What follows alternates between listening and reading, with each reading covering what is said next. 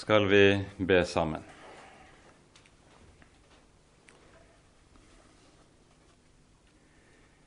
Kjære gode Gud og hellige Far. Nå takker og lover vi deg for all din nåde, for all din godhet imot oss. Takk, Herre, at du har kalt oss til å være dine barn, og at du også kaller oss sammen og gir oss et hjem i din kristne kirke her på jorden. Takk, Herre, at du har gitt oss din egen sønn, og at vi i ham og ved ham skal få eie alt vi trenger. Nå ber vi, Herre, at du vil sende din Hellige Ånd og være hos oss denne kvelden, at du vil ta deg av oss slik at vi kan få lys i ordet ditt og slik, Herre, at vi kan få knyttes sammen i samfunnet med deg og med hverandre. Vi ber, Herre, for den nye menigheten som vi er samlet i, at du vil være til stede med din velsignelse i alle ting. Så vil vi, Herre, også denne kvelden nevne spesielt for deg sokneprest Stein Erik Foss, her i Johanneskirken, som er alvorlig syk. Herre, vær hos ham med din trøst og med din hjelp. Og er dette din gode vilje, så reis han opp igjen fra sykeleiet, og gi han styrke ved din hånd. Vi ber deg, Herre, at du også vil gi ham styrke til å gå igjennom sykdommen sammen med deg. Det ber vi, Herre, for Jesus skyld, og takker og lover deg fordi du er god, og fordi din miskunnhet varer til evig tid. Amen. Det blir visst varmt her. så.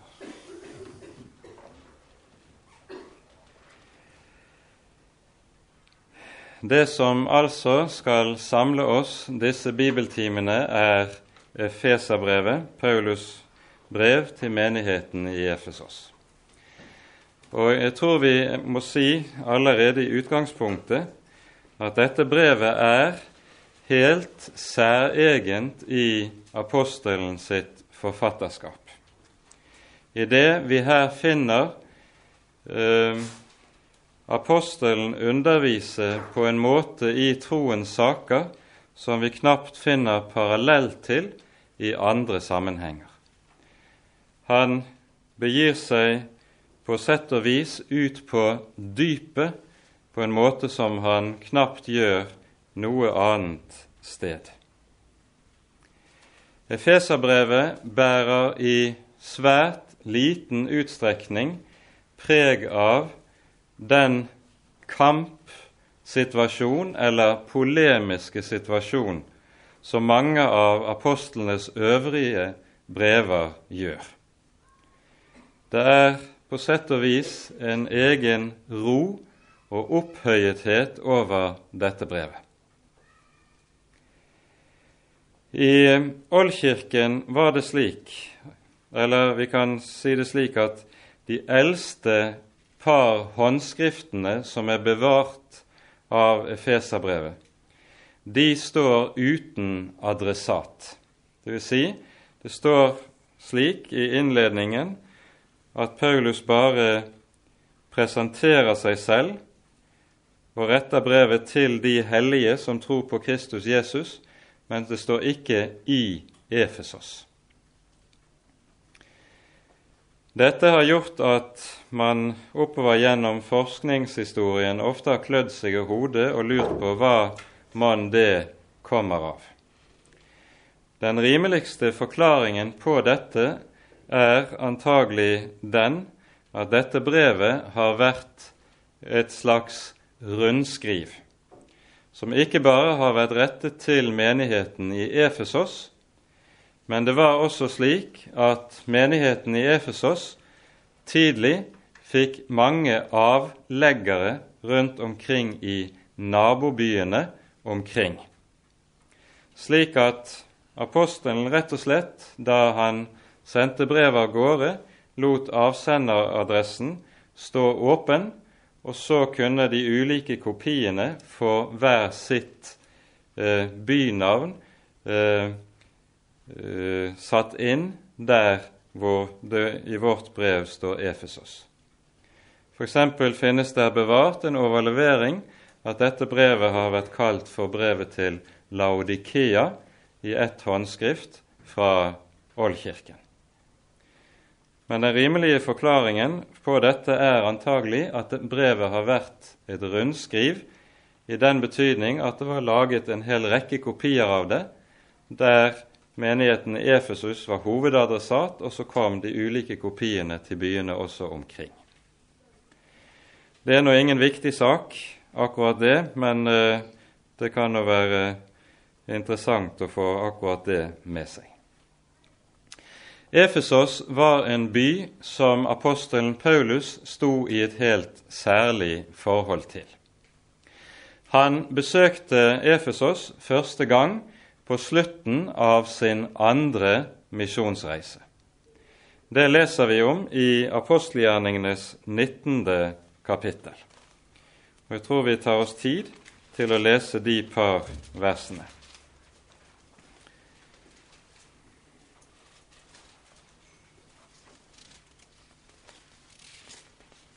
Unnskyld, jeg sier feil her. Det er i slutten av apostelgjerningene 18. kapittel.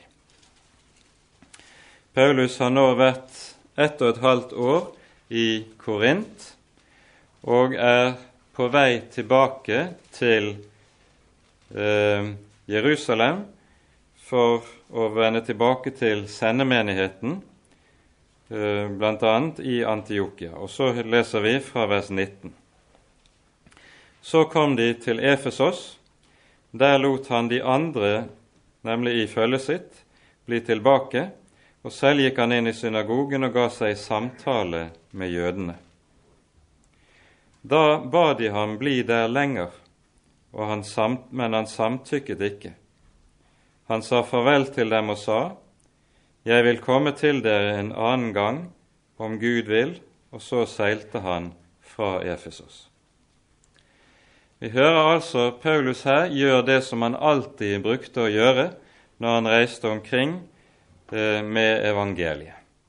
Det første han gjør, er å oppsøke synagogen og forkynne evangeliet der.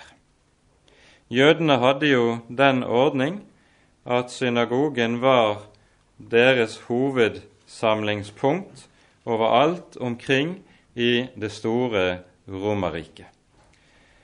Og jødene var også den gang et farende folk. De besto også meget av bl.a. handelsmenn som reiste omkring, og der var omreisende lærere og rabbinere. Så det var en ganske vanlig foreteelse at en jøde som kom på besøk til en by og gikk i synagogen, han ville ofte også bli bedt om å komme med en hilsen eller si noen ord til menigheten som var forsamlet. Og Det ble jo da ganske naturlig anledning da for Paulus, når han kom slike steder, å kunne avlegge vitnesbyrd for evangeliet. Og Her i Efesos er det tydelig at han finner en åpen dør. Det er ikke sånn som vi ofte ellers hører det i apostelgjerningene, at eh, synagogen fort Fort vender apostelen ryggen. Tvert om, de vil gjerne høre mer og samtale mer. Det har Paulus ved denne anledningen ikke stunder til. Han, vil, han skynder tilbake til Jerusalem og lover å komme tilbake. Og Det skjer da på den tredje misjonsreisen. Og Om Paulus' opphold i Efesos under den tredje misjonsreisen leser vi i apostelgjerningenes 19. kapittel. Det tar vi oss ikke tid til å lese fra her. Men vi hører her at Paulus ble værende i Efesos i over to år. Det er det lengste opphold han hadde i noen enkelt by overhodet. Og der dannes i denne byen en stor, en tallrik menighet, som også får mange avleggere, som vi hørte det, i nabobyene som ligger rundt omkring. Så Efesos kommer fort til å bli en by som blir, får en sentral betydning innen den første kristne kirke. Og Det skjer da ikke minst gjennom apostelens langvarige opphold i denne byen. Dette oppholdet er antageligvis, hvis man følger den vanlige kronologien når det gjelder Paulus sine misjonsreiser, eh, rundt år 57 og 58 etter Kristus. Han avslutter sin tredje misjonsreise når han kommer til Jerusalem i år 60 og 61, og der er det også at han eh, kastes i fengsel og får sitt langvarige fengselsopphold. Først to år i Cesarea, hvorpå han transporteres til Roma, og fra fangenskapet i Roma er det han skriver brevet til menigheten i Efesos. Efeserbrevet er altså det ene av Paulus fire fangenskapsbrev, eller de brev som han skrev under sitt første fengselsopphold. Vi hører det at han skriver om seg selv og sine lenker i det tredje kapittel, som vi også vil komme tilbake til. Det betyr at brevet antagelig er skrevet mellom år 61 og år 63, etter det som er vanlig kronologi. For øvrig var det antageligvis også på det vis at Paulus ble sluppet fri fra sitt første fengselsopphold i Roma. Da i år 63. Han hadde da tenkt seg videre på misjonsreise til Spania. Derom forteller Det nye testamentet ikke, men man har eh, bemerkninger hos kirkefedrene som kan fortelle at Paulus også kom bl.a. til Spania etter dette oppholdet, vender så tilbake til Rom og fengsles igjen og lider martyrdøden under Nero i år 67. Dette er antagelig det som har vært eh, kronologien i disse årene av Paulus sitt liv, som Det nye testamentet altså ikke forteller om. Efesos var på Paulus' tid hovedstad i den romerske provins Asia. Det betyr at byen var sentrum for det politiske liv. Det var en meget stor by, tallrik når det gjaldt innbyggere, og byen var også et betydelig handelssentrum. Den var meget rik. En av byens hovedinntektskilder eh, lå i det store Artemis-tempelet som fantes i denne byen. Gudinnen Artemis bar det romerske navnet Diana, og vi hører at en av hovedinntektskildene bestod i de tilreisende som kom til Efesos for å besøke dette tempelet, og akkurat som i dag, når man reiser et eller annet sted, så var det et stort antall av suvenirselgere i byen. Noen av disse selgerne levet bl.a. av å lage Diana- eller Artemis-figurer i sølv. De laget kopier av tempelet i sølv, som de så levet godt på når de solgte til de tilreisende. Og disse, på grunn av den kristne tros veldige vekst i Efesos under Paulus virke, så lider de rett og slett økonomisk tap på grunn av at så mange venner seg til troen. Noe som får til følge at det blir et stort oppløp, folkeopprør, i Efesos med tanke på rett og slett hopen ønsker å henrette Paulus fordi kristendommen rammer dem på pungen. Alt dette står også fortalt i apostelgjerningenes 19. kapittel.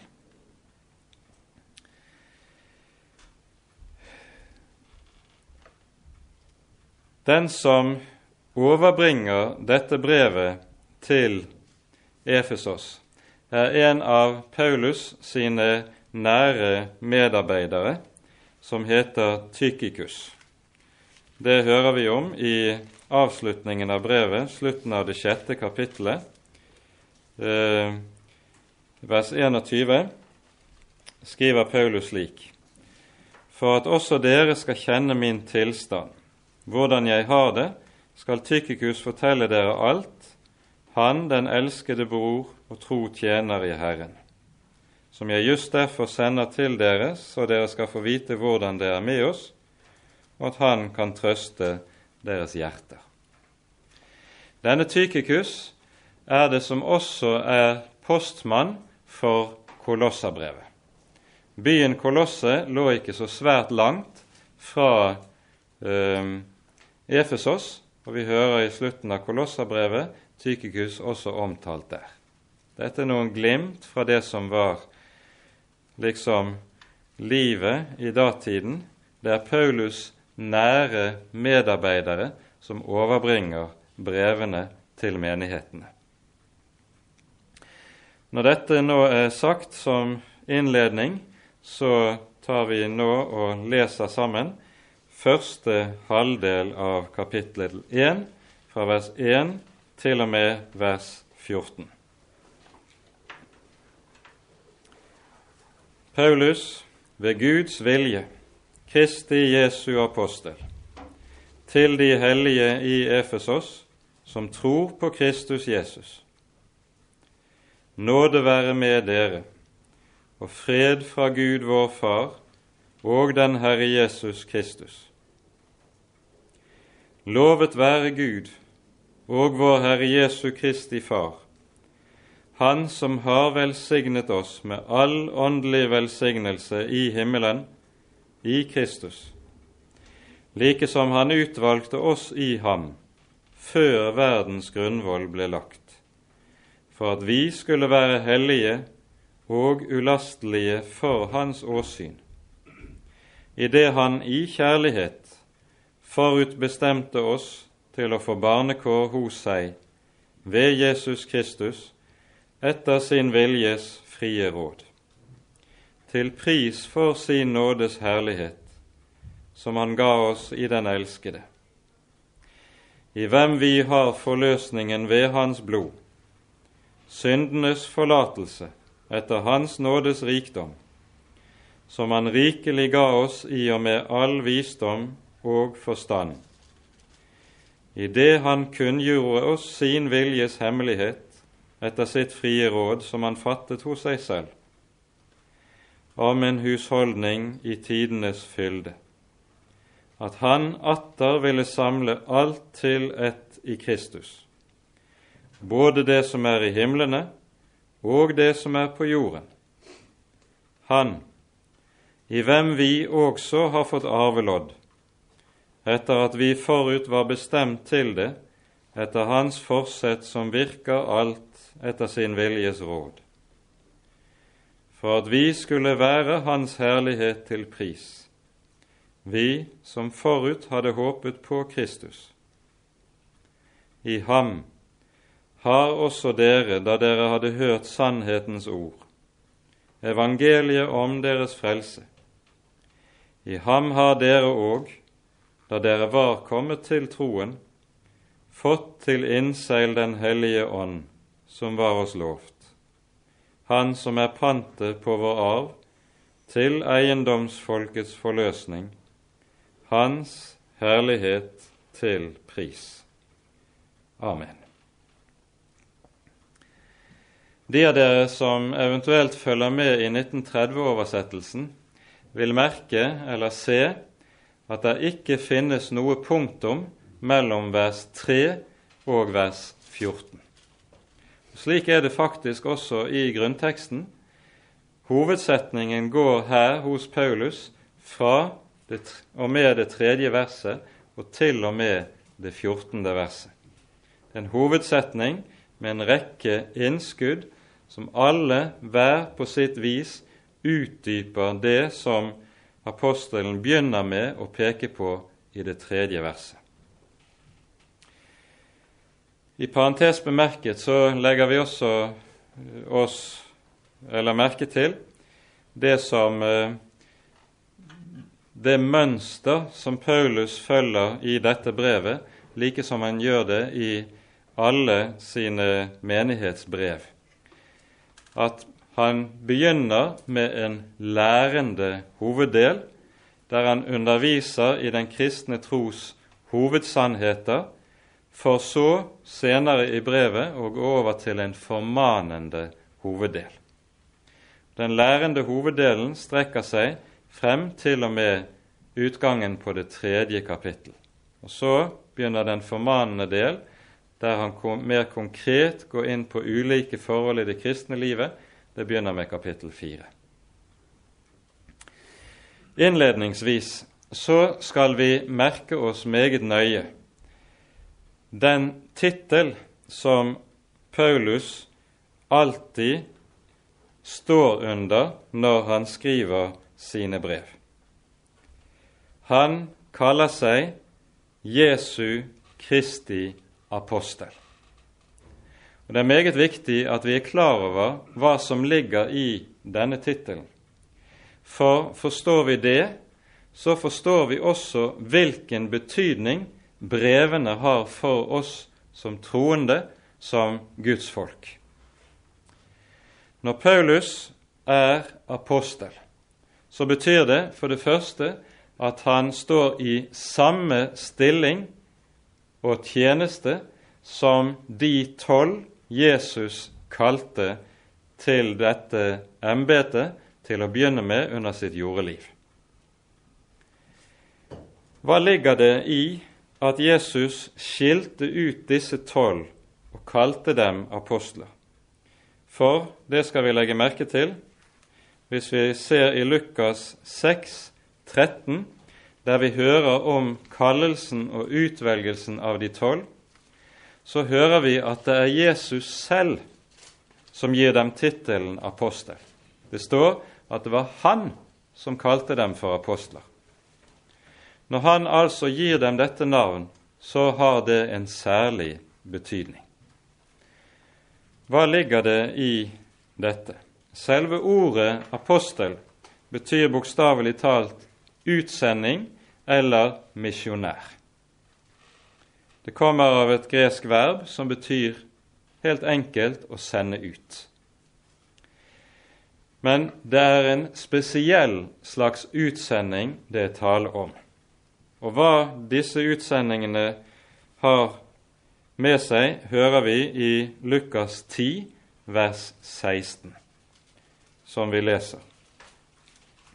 Her sier Jesus om de tolv. Den som hører dere, hører meg, og den som forkaster dere, forkaster meg, og den som forkaster meg, forkaster Han som har sendt meg. Legg nøye merke til det. Jesus setter altså likhetstegn mellom det budskap hans apostler forkynner, og det budskap han selv forkynner. Og han gir Jesu apostler, han gir apostlene sine den samme autoritet og myndighet som han selv har. På det vis at det å avvise og forkaste apostlenes budskap, det er ensbetydende med å avvise apostlene selv. Det er det som ligger i apostelembetet. Det er altså tjenere som Herren har kalt og gitt en helt særlig myndighet. En myndighet der Jesus sier 'Gjennom disse taler jeg selv'. Gjennom disse gir jeg mitt ord til verden. Og Det er så bokstavelig ment at Jesus sier at det å avvise apostlenes tale er det samme som å avvise Jesus selv. Dette skal minne oss om at den tale som vi ofte hører folk komme med i våre dager når det er et eller annet i Paulus sine brever f.eks. som folk ikke liker å høre. Da sier de ofte det er nå bare Paulus som sier det, men jeg holder meg til Jesus. For det er det som vi som kristne skal gjøre. Da, hvis de holdt seg til Jesus, så hadde de bøyd seg for Paulus. For det er nettopp den Herre Jesus selv som lærer oss at Paulus ord er Kristi ord. Peters ord, slik vi hører det i hans brev, Johannes i hans brev, det er Kristi ord til oss. I aposteltjenesten ligger det altså den særlige fullmakt som Jesus selv har lagt ned i apostlene, at de taler på hans vegne og med hans autoritet. Og Derfor står apostlene slik sett i nøyaktig samme stilling overfor den kristne menighet som profetene gjør det i Det gamle testamentet. Det er gjennom disse Gud taler til oss. Deres ord er Guds ord. Derfor er det også slik at vi kjenner ikke Jesus, vi kjenner ikke Herren utenom gjennom apostlenes ord. Det gis ingen kristendom uten gjennom den vi har fått fra Herrens apostler. Og Derfor er det også slik at Den kristne kirke kaller seg selv, så sant den er en sann kirke, så er den også en apostolisk kirke. I den nikenske trosbekjennelsen, etter at troen på Den hellige ånd har blitt bekjent, så sies det vi tror på én hellig, allmenn og apostolisk kirke. Den apostoliske kirke er den kirke som bygger på apostlenes budskap, slik det er oss overgitt i brevlitteraturen i Det nye testamentet. Derfor, det å være kristen kirke, det å være en kristen, det er å tro slik apostlene tror. Det er å tro, lære og forkynne slik apostlene forkynte.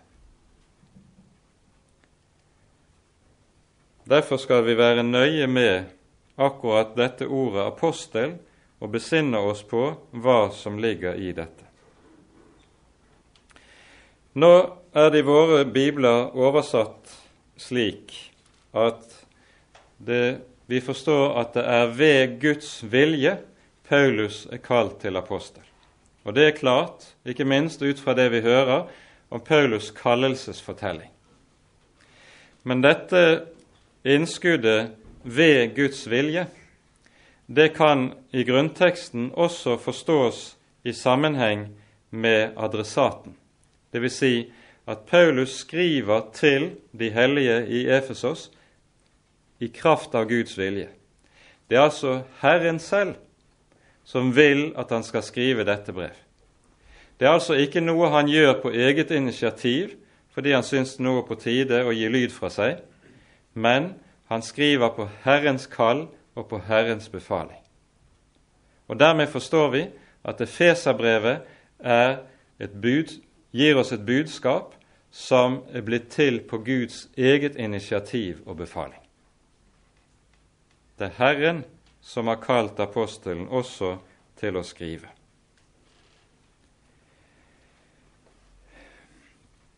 Dernest legger vi merke til hva, hvordan Paulus benevner adressatene. Overalt i Det nye testamentet så kalles de troende, menighetene, for de hellige. Dette skal vi komme litt tilbake til i de første versene her i brevet, så vi skal ikke si mye om det i denne sammenheng. Men vi skal legge merke til at de hellige det er Bibelens grunnbetegnelse på Guds folk. Og Det gjelder både i Det gamle testamentet og i Det nye testamentet.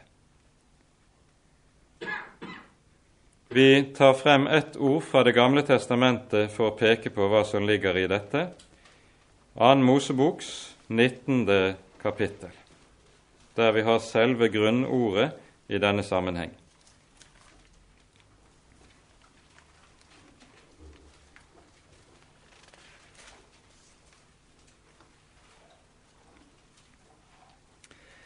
Her har Gud, etter å ha ført folket ut av Egypt, ledet dem hen til Sinai. Nå står de foran Sinai, og Moses stiger opp på berget til Herren, og så hører vi det første Herren nå taler til sin tjener. Dere har sett Vi leser fra vers 4 i kapittel 19. Dere har sett hva jeg har gjort med egypterne, og hvorledes jeg har båret dere på ørnevinger og ført dere til meg. Dersom dere nå lyder min røst og holder min pakt, da skal dere være min eiendom fremfor alle folk, for hele jorden hører meg til. Og dere skal være meg et kongerike av prester og et hellig folk. Dette er de ord du skal tale til Israels barn. Her møter vi betegnelsen på Guds folk, det er det hellige folket.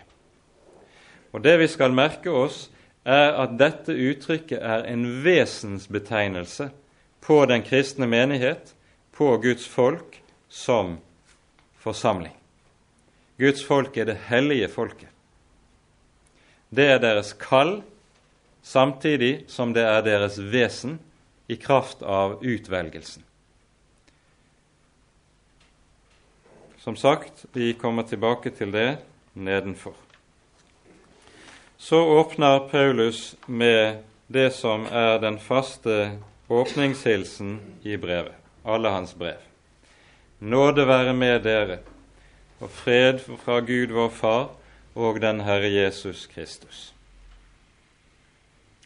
Her møter vi det, for det første det ordet som er selve hovedordet både i Efeserbrevet, det er ordet nåden.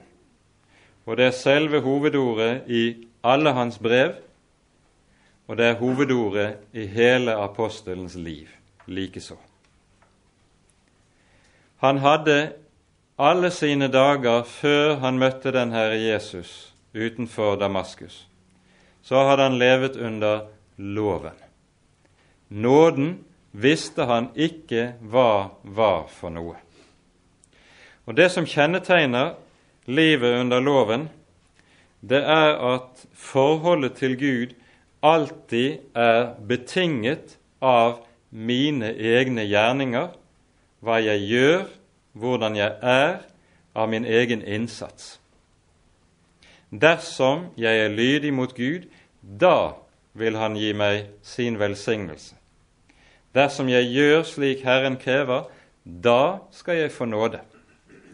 Og I tråd med dette så kan en ganske typisk tale om å gjøre seg fortjent til nåden. Slik som f.eks. den romersk-katolske kirke alltid har gjort det. Den taler om at vi skal gjøre oss fortjent eller bli verdige til å ta imot nåden. Nettopp det er selvmotsigende. For selve ordet nåde betyr jo det stikk motsatte. Det betyr bokstavelig talt at man får noe for intet uten grunn i oss selv. Ordet nåde beskriver nettopp at Gud elsker oss og gir oss alt uten at han har noen grunn til det, finner noen årsak til det, i oss, i våre liv og i våre hjerter. Det er bokstavelig talt for intet. Stiller du da spørsmålet 'Hvorfor elsker Gud deg?' Hvorfor Gud elsker Gud meg? Så, det, så har det ingen som helst årsak. Det er ikke fordi du er elskverdig. For det er intet hos deg Gud kan bygge på når det gjelder den saken. Nei, han elsker uten at det har noen grunn hos deg. Han elsker ikke fordi du er den du er, men fordi han er den han er. Gud elsker fordi han er kjærlighet, sier Skriften. Og dette gir han for intet. Det er det som ligger i ordet nåde. Nåde kan man aldri gjøre seg fortjent til, og den dag man har gjort seg fortjent til det, da har nåden sluttet å være nåde. Det er saken. Og Dette er da og ble da hovedordet og overskriften over hele Paulus sitt liv etter dette. Og Når Paulus innleder brevene sine med denne hilsen, så er det fordi det er hans uttalte ønske at dette også skal være hovedordet i hvert kristent menneskes liv. Vi lever av nåde, ikke av noe annet. Vi lever med nåden som grunnvoll under livet. Og Dette kan være helt avgjørende for oss å minne hverandre om, fordi stadig er det slik, det er av det falne mennesket hos oss, så dras oppmerksomheten vår, sinnet vårt, alt det som vi kretser omkring, det dras stadig hen mot det vi skal være, det vi skal gjøre.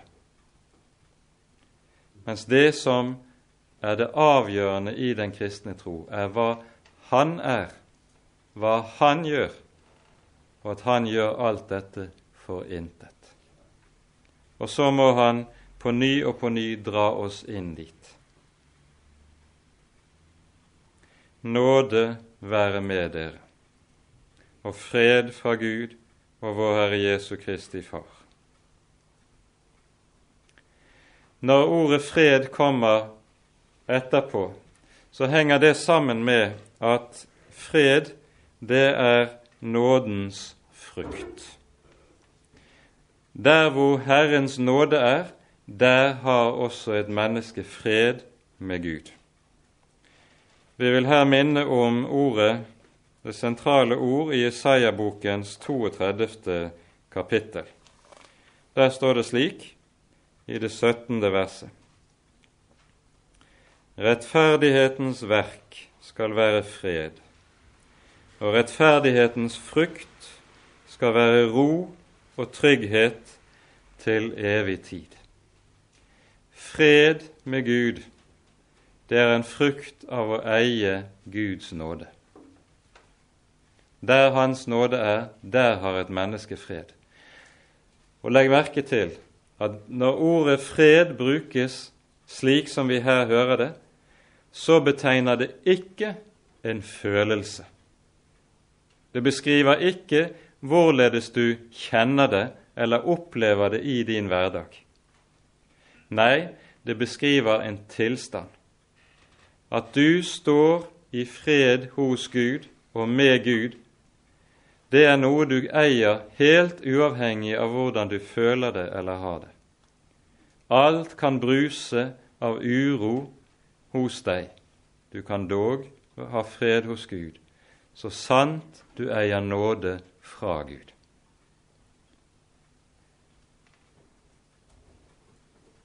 Vær klar over dette, at dette gjelder også en hel rekke av Bibelens sentrale ord, som vi har lett for å tyde hen slik at det sikter på noe i våre hjerter og i vårt følelsesliv, så er det som regel slik at disse, ordene sikter på noe som er objektivt utenfor våre hjerter. Og Det gjelder også dette fredsordet når det brukes som vi hører det her. Vi hører også om det å ha fred i hjertet, med en god samvittighet i Skriften. Og da er det nettopp Da brukes ordet fred nettopp særlig om det å ha fått fred i samvittigheten fordi man har fått syndenes forlatelse.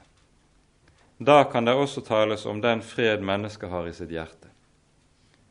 Det handler da om syndenes forlatelse. Så kommer vi til det tredje verset. Og Her begynner Paulus med en lovprisning. Og denne er umåtelig innholdsrik. Lovet være Gud over Herre Jesu Kristi Far. Han som har velsignet oss med all åndelig velsignelse i himmelen i Kristus.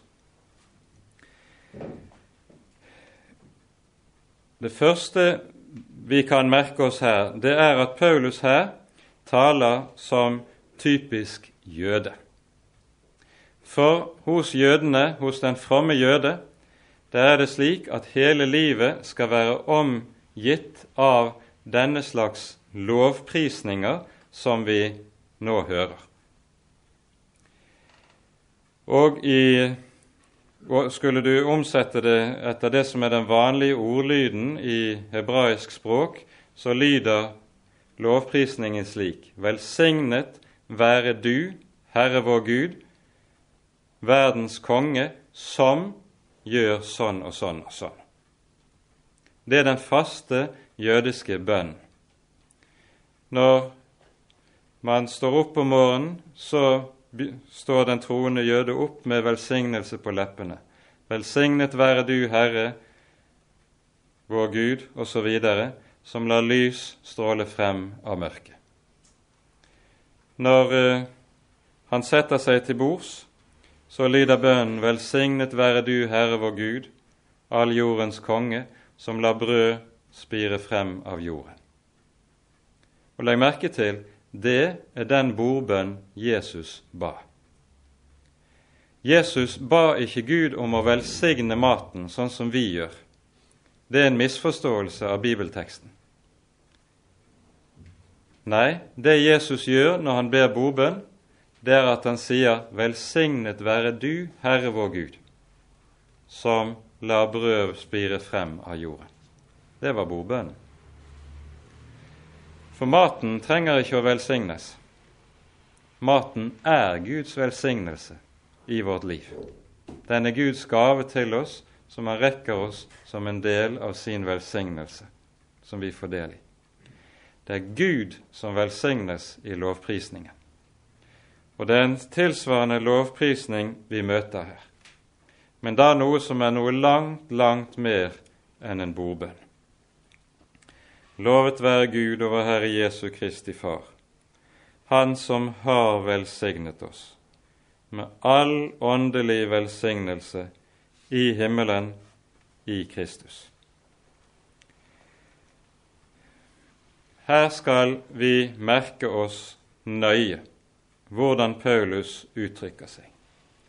For det han her peker på, er vårledes den som står i nåde hos Gud, den som er i Kristus, det er et menneske som eier en velsignelse som langt, langt overgår alt vi kan tenke, og alt vi overhodet kan forestille oss. Det første vi ser i dette verset i så måte, er at Paulus bruker perfektumform. Han sier 'Han har velsignet oss'. Han taler altså om noe som er fortid, noe som er fullbyrdet. Og perfektumsformen i, både i gresk og i hebraisk språk er slik at den betegner noe som er gjort i fortid, og som ligger som et ferdig og fullbrakt verk. Her sies det altså at Han har velsignet oss med all åndelig velsignelse. Han sier altså ikke at Gud en gang i fremtiden skal velsigne oss, nemlig at vi skal eie all velsignelsens fylde når vi en gang f.eks. når frem til målet i det evige Guds rike. Nei, dette er noe som et Guds barn har allerede her og nå. Gud har velsignet. Og så kommer det altså Han sier at han har velsignet oss med all åndelig velsignelse, og denne har vi i Kristus. Til dette må vi minne om at det det her dreier seg om, er at alt det kristen overhodet har og eier, det er noe vi har og eier i den Herre Jesus Kristus. I ham er det vi har alt. Det er i Kristus vi har velsignelsen. Utenfor Kristus gis der ingen velsignelse overhodet. Og hvem er Kristus? Hva er det som kjennetegner ham? Her er jo selve poenget det at alt hva Kristus er og har, det skal vi få lov til å eie som vår del, som vår eiendom, som vårt liv. Tenk på hva Paulus skriver i Romerbrevet i det åttende kapittel, 32. vers. Han som ikke sparte sin egen sønn, men ga ham for oss alle. Hvorledes skulle han kunne annet enn å gi oss alle ting med ham? Vi eier alt i Kristus. Hva menes det da når vi sier eller bruker ordet alt. Kort vil vi her peke på det som sies i 1. Korinterbrevs første kapittel. De to siste versene i det første kapittel sammenfatter liksom meget av dette her i en meget pregnant sum. Her sies det nå Av ham er dere i Kristus Jesus. Og så er altså Kristus Jesus blitt oss. Visdom fra Gud, rettferdiggjørelse, helliggjørelse og forløsning. For at som skrevet er, den som roser seg, han roser seg i Herren. Ordet rettferdiggjørelse beskriver jo det som gjør meg til et Guds barn. Ved troen på Jesus så blir jeg rettferdig for Gud. Jeg blir stående for Guds ansikt som den som er fullkomment ren og fullkomment hellig. Det eier jeg i rettferdiggjørelsen. Helliggjørelse, det beskriver hva som skal få lov til å utvikles og vokse hos meg som kristen, og som skal vinne skikkelse i livet mitt som en kristen. Og Nå sier altså apostelen at også alt det jeg trenger med tanke på livet mitt, det har jeg i Kristus. Det er Han som er min helliggjørelse. Helliggjørelse er ikke noe jeg får til selv ved å streve med meg selv for å prøve å bli et annerledes og bedre menneske. Helliggjørelsen eier jeg i Kristus. Og helliggjørelse består, består derfor aldri i selvforbedring, men det består i at den Herre Jesus selv vinner skikkelse hos oss og i oss. Det skal vi nok få snakket mer om etter hvert. Han er vår forløsning. Og Når ordet brukes slik i denne sammenheng, så sikter det frem mot det målet som ligger foran meg. Og Med det sier apostelen at om jeg skal nå målet, det fullkomne målet hjemme hos Gud, så er ikke det noe som er avhengig heller av meg selv og min egen kraft og utholdenhet. Det er Kristus som er min forløsning. Det er i kraft av ham jeg også skal nå frelst hjem til Gud. Han er også min visdom, som vi her hører, og det vi godt kan si om Efeserbrevet, det er at det er en eneste sammenhengende utlegning av visdommen i Kristus. På denne måten så har de gamle ofte rett og slett kalt Kristus for Guds forrådskammer. I tilknytning til et ord i 5. Eh, Moseboks 28. kapittel, der eh, Moses taler om velsignelsen som skal komme over Israel når de holder seg til Herrens ord. Her står det i 5. Mose 28, 12 slik. Herren skal lukke opp for deg sitt rike forrådshus, himmelen, osv. Det egentlige forrådskammer vi har, det er den Herre Jesus selv. Han er det forrådshus hos Gud som er fullt av alt som godt er, av alt som vi overhodet trenger som kristne. Det er ingenting det mangler på der i gården.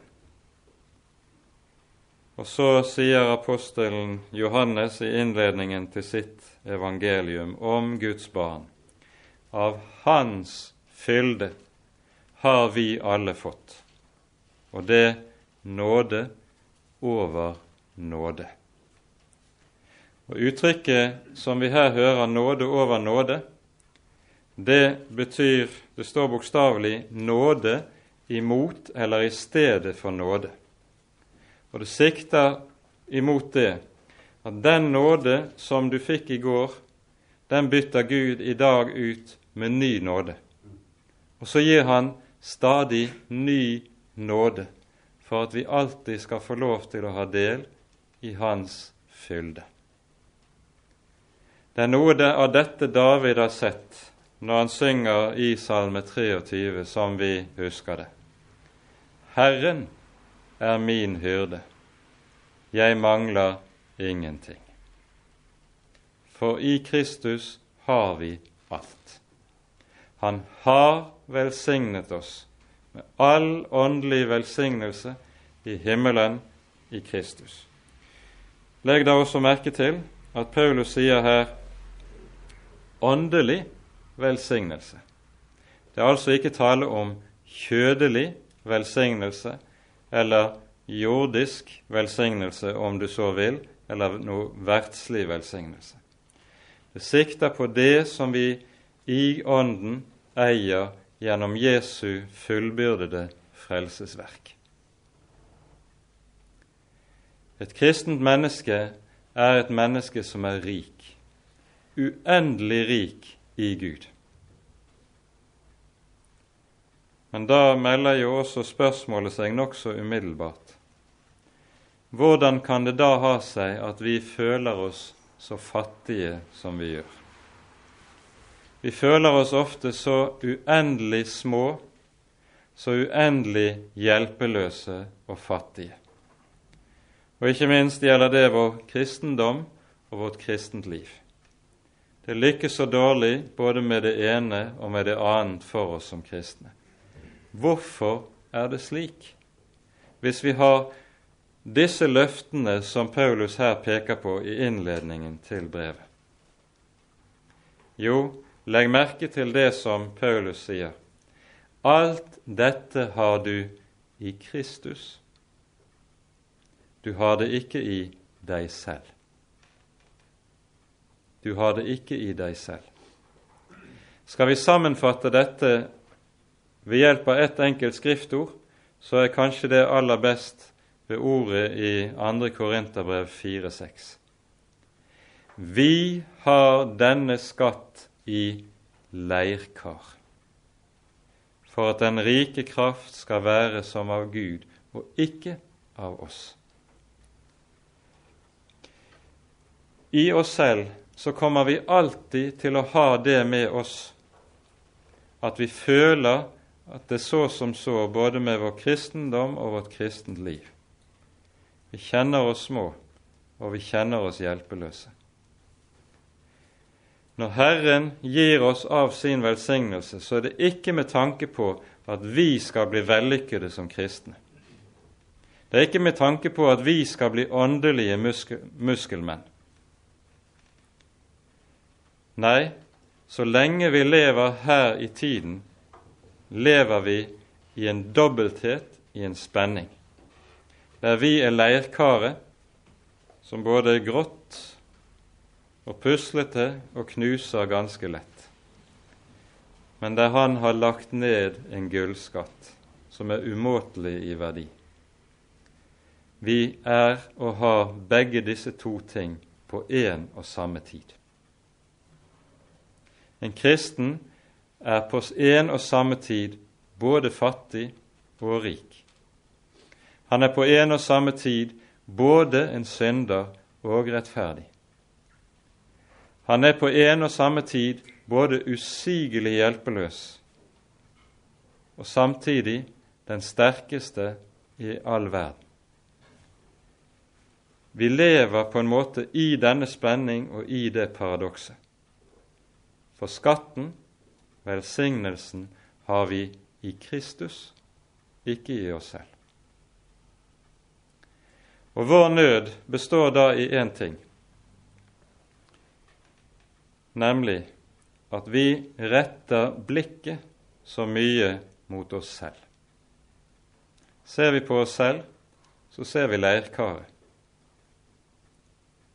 Det som er hemmeligheten i alt kristent liv, er at vi på ny og på ny må få lov til å vende blikket en annen vei, til hva vi har i Kristus, ikke mot hva vi er i oss selv. Er blikket vendt mot hva vi er i oss selv, så skal vi sannelig bli motløse.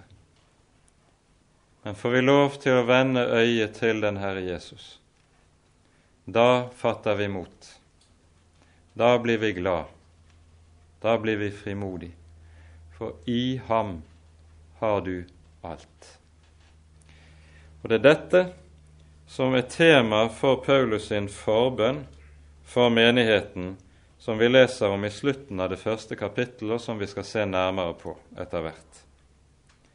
Han ber om én ting for menigheten. Hva er det? At Gud må gi dem opplyste og opplatte øyne, så de kan se. Se hva de har i Kristus. Se hvor uendelig rike de er. For det er det Den hellige ånds gjerning først og fremst dreier seg om. Å gi oss lys til å se hva vi har i Kristus. Han skal herliggjøre meg, sier Jesus om Ånden, for han skal ta av mitt og forkynne dere. Ta av mitt og skjenke dere. Det gjør Ånden. Og når vi ser ham, da blir vi glade. Da er det det står, det stadfestes det som vi hører i den 34. salmen. De så opp til ham og strålte av glede, og deres åsyn rødmet aldri av skam. Og med det setter vi punktum for denne timen.